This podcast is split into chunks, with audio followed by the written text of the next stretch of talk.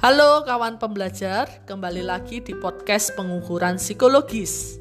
Kali ini saya akan membahas ragam perlakuan terhadap alat ukur baku. Ada empat ragam perlakuan. Yang pertama adalah adopsi.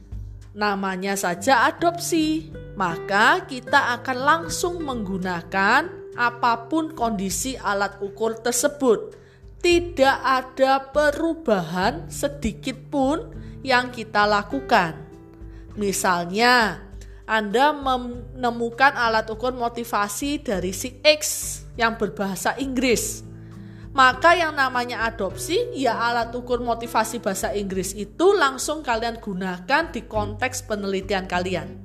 Tidak ada perubahan apa pun. Itu kuncinya dari adopsi. Perlakuan yang kedua adalah adaptasi. Di perlakuan ini, misalnya alat ukur motivasi dalam bahasa Inggris itu tadi Anda mau pakai di konteks budaya Indonesia, di orang-orang Indonesia, Anda perlu menerjemahkan butir dari bahasa Inggris menjadi bahasa Indonesia. Proses menerjemahkan ini kita sebut sebagai proses adaptasi. Ada perubahan bahasa. Nah, perlakuan yang ketiga adalah modifikasi.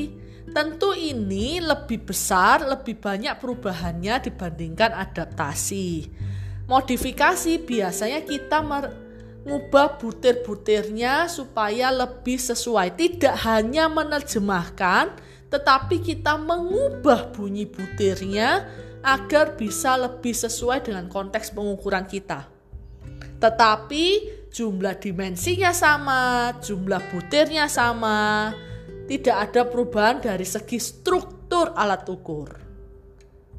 Nah, perlakuan yang keempat adalah rekonstruksi. Ini ada perubahan struktur dari alat ukur yang akan kita gunakan.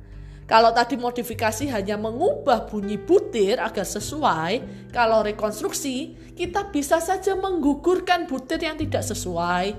Kita menambah butir supaya lebih banyak. Kita tidak menggunakan dimensi tertentu. Kita menambahkan beberapa butir di dimensi yang lain. Itu namanya rekonstruksi. Jadi, ada empat perlakuan. Yang pertama adalah adopsi, kamu pakai apa adanya adaptasi ada perubahan bahasa, modifikasi ada penyesuaian butir, rekonstruksi ada perubahan di struktur alat ukur itu. Mana yang kamu gunakan semuanya boleh-boleh saja. Yang penting kamu memastikan bahwa tujuan pengukuran dapat dicapai dengan alat ukur tersebut. Oke, salam belajar.